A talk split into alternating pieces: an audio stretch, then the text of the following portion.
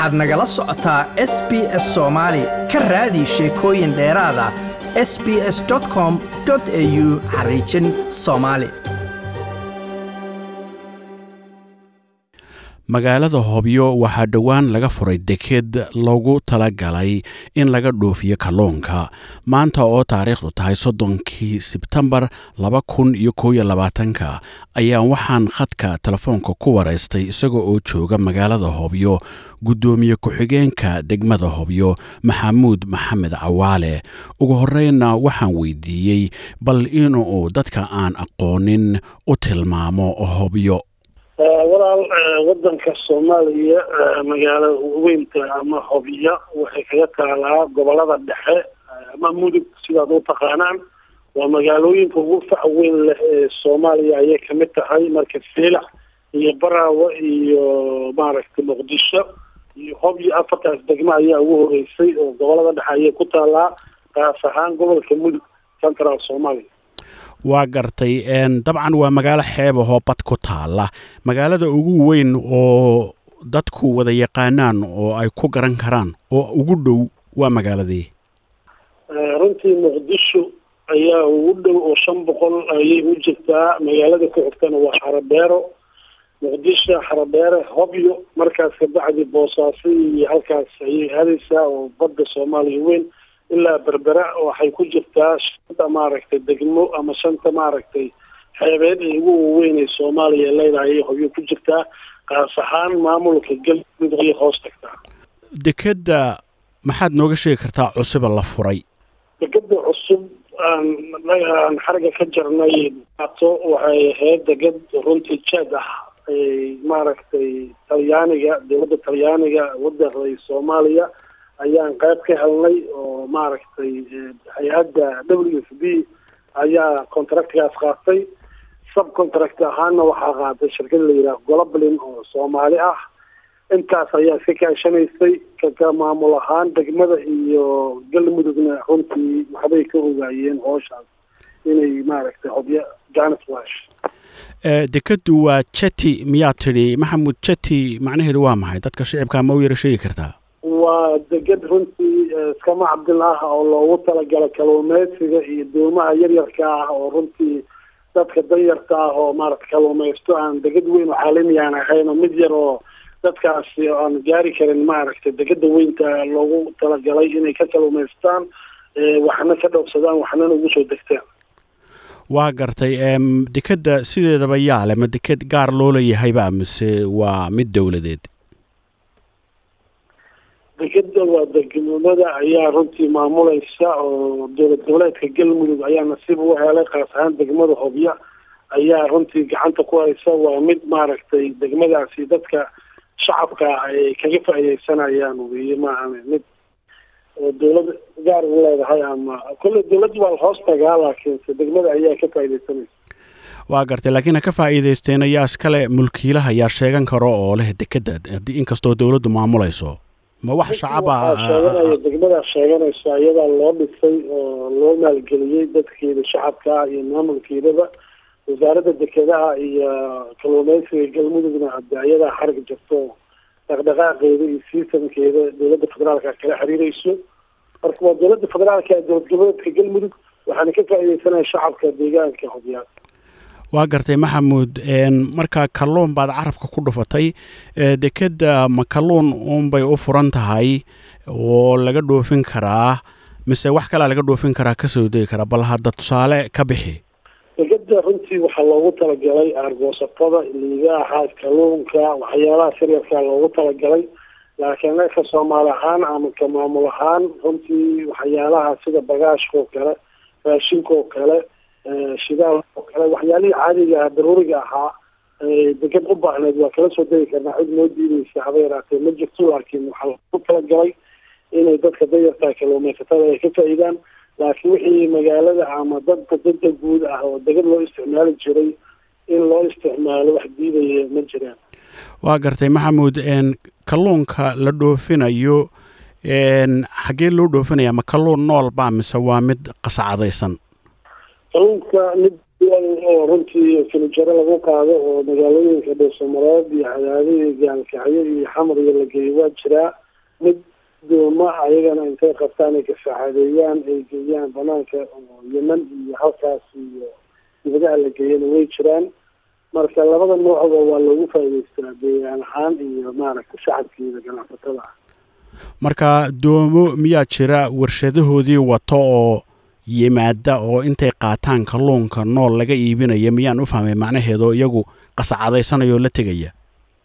Runtii warshad waa jirtaa kalluunka ah laakiin badanaa dadka xirfadlayaasha ah gaari jir ah ayay ku gurtaan kalluunkii oo furaash ah kabacdina magaalooyinka kale ayay u iibgeyaan kuwa gasacadaha ah maaragtay bacda lagu xirayana xadadoomo isbishal oo dadka waxhaysta ama maaragtay ganacsatada ah oo samaysto way jiraan.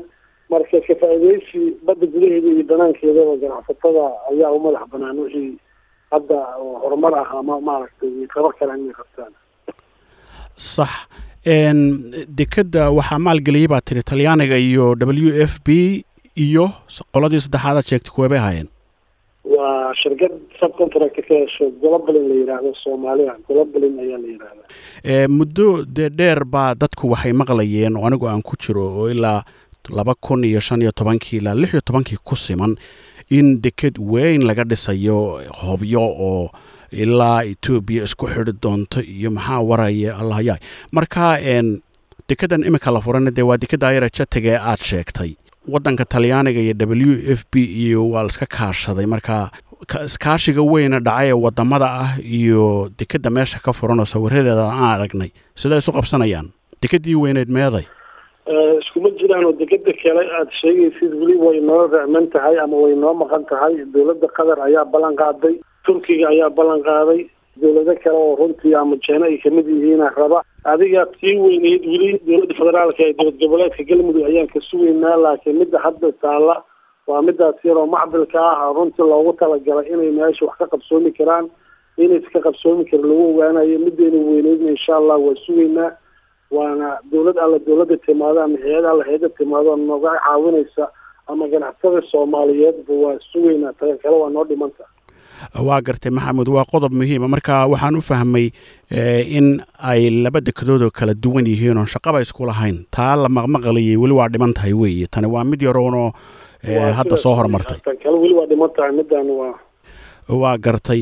Marka dekedan yar imika aynu u soo noqone wax fursado maalgashi miyay ka furan yihiin in iyada qudheeda la ballaadhiyo qorshaha ma idinku jirtaa bal hadda arrintaa maxaad ka odhan kartaa? Dabcan haa way ku jiraan oo nimankan hadda shirkad cusub oo la yidhaha baraarug ayaa jirta oo deegaanka runtii waxna ka dhoofisa waxna ka darsata oo hadda sanadka ugu dambeeya si fiican u shaqeysa haddana shaqo wado. Export import ah taas ayaa iyadana rabto bal hadday wax ku dari karto ama dadka ganacsatada isku leexatay hadday wax ku dari karaan inay ku daraan oo meeshii wax kala soo degi lahaayeen intii laga gaarayay midda weyneyd ayagana ballanqaadkaasi noo sameeyeen. Ciddii kaleoo runtii wax ku daraysa ama wax waan soo dhaweynayna hadduu ilaahay. Maxamuud ma jiraa wax qorsho ahoo hadda yaalla ama laga fekeray in kalluunka la horumariyo oo warshad la dhiso lagu sameeyo walaal warshad waa la sameeyey oo way dhisan tahay oo waa u diyaarsan tahay. Wax soo saarkeedii degada ayaan la sugaynay. Insha allahu sanadka hadda aynu ku jirno ayaan rabnaa wax soo saar fiican oo sanadka hore ka fiican in warshada la geeyo. Dadka qaadanaya hadday diyaarada yihiin iyo hadday gawaari tahay iyo hadday maraakiib yihiinna waa meesha ugu kalluunka badan la hoyo oo aan hadda aan runtii aan faleynahay soomaaliya iska dhaafay adduunka dhan ayay anfacaysa waa gartay. Marka warshadaasi xagay ku taallaa maxamuud hobyo qudheeda. Warshada hobyo ayay ku taallaa oo sahan baa la yidhaahdaa waa dhisan tahay waxay finijeeradeedii iyo qalabkeedii iyo broceskeedii iyo wixii dhan waa dhamaystiran yihiin oo hadda muddo laba sano ayay dhisan tahay hadduu ilaah idmana inaan wax rajeynaynaa ay qaadan doonto wax soo saarka dekedan iyo doomahan ay soo saaraan. Guud ahaan dadka shacabka ah oo deegaankaas degan maxaad dhegaystayaashayada uga sheegi kartaa waa dad nolosheedu noocee tahay bal hadda nooga waran run ahaantii degmada hobyo waa degmo weyn oo fac weyn oo dowladda iyo maaragta central soomaaliya ku taal dadkeedana dad bulshaa xeebeed ah oo ay ka ganacsada xoolaha kalluumeysiga iyo beeraha. Intaba way ka baxaan waana laga helaa. Waxaa kale u ziyaada ah ay leedahay batroolka runtii lixdan kilomitr ilaa sagaashan kilomitr hadday noo jiraan wasil oo runtii riig weyn ku yaal iyo maaragtay hobyo one oo ayana riig ku yaal. Labadaasna batrool ayaa ka buuxa waa meel marka qani ah oo la rabo runtii dadka deegaanka iyo dadka ganacsatada ay maqlaya inay ka faa'iidaystaan oo intaba nimco ilaahay keenay meesha ay ku baraysatay xagga ammaanka mar haddii meeshii ay deked noqotay xagga ammaanku ma sugan yahay? Miyaa wax haba yaraatee laga qabaa werwera dhanka ammaanka soomaaliya meelaha ugu fiican ayay ka mid tahay. Wax warwara aan ka qabno haba yaraatee malahan ciidamo. Bata oo atlanta iyo nato iyo yurubiyaana xeebaha kore ayay ilaaliyaan muddo dheer oo ilaa sidii sana nala joogaan. Gudahana runtii ciidamadii daraawiishta oo galmudug iyo kuwii maaragtay militariga federaalka ah iyo kuwii marineeska ah koosta gaarsiga loogu talagalay iyo kuwa nabad sugidda. Intaba waa joogaan amnigeeda waxaan dhihi karnaa boqolkiiba boqol waa okay. Meelaha soomaaliya ugu nabdoon ayay ka mid tahay degmada hobyo maxamuud haddii degaankii horumarkaa aad sheegtay uu ka socdo oo dekadu ka mid tahay iyo dekedaa la qorsheynayo in la dhisi doono warshadan kalluunka ee la dhisay dadka qurba joogta ah ee soomaaliyeed gaar ahaan aan idhaahda ee dadka reer galmudug ee deegaankaas degan maxaad uga sheegi lahayd amaad wax tala ah aada uga soo jeedin lahayd run ahaantii aada umahadsan tahay. Waxaan ugu baaqayaa dadweynaha soomaaliyeed meel walba iga dhegeysanayaan ama ay joogaan iyo gaar ahaan reer galmudugba inay maalgashtaan deegaankoodii runtii deegaankaaga haddaad maalgashato wax reesamaal aha oo ku haray ayay noqonaysaa.